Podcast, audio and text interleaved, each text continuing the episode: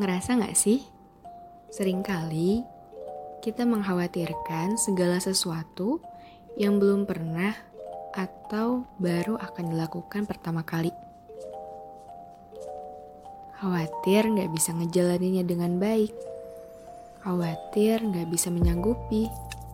Atau khawatir hasil akhir tidak sesuai ekspektasi.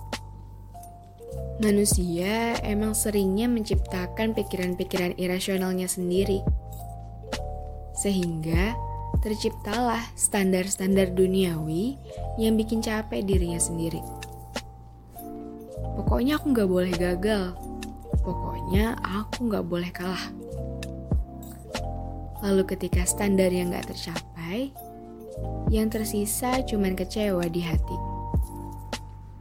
Belum lagi ketika lihat orang lain sudah lebih tinggi, akhirnya muncul ambisi untuk mengungguli.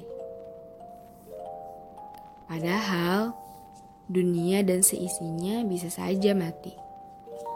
Dan standar-standar itu udah gak ada artinya lagi.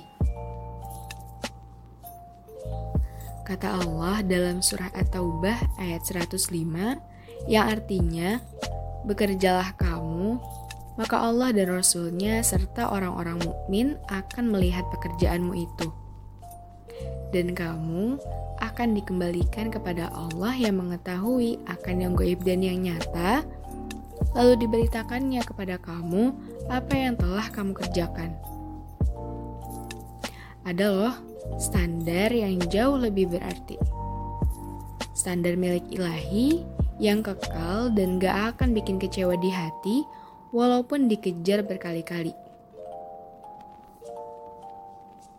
Jadi, Allah cuma nyuruh kita buat kerjain aja apa yang ada di depan mata dengan usaha semampu kita.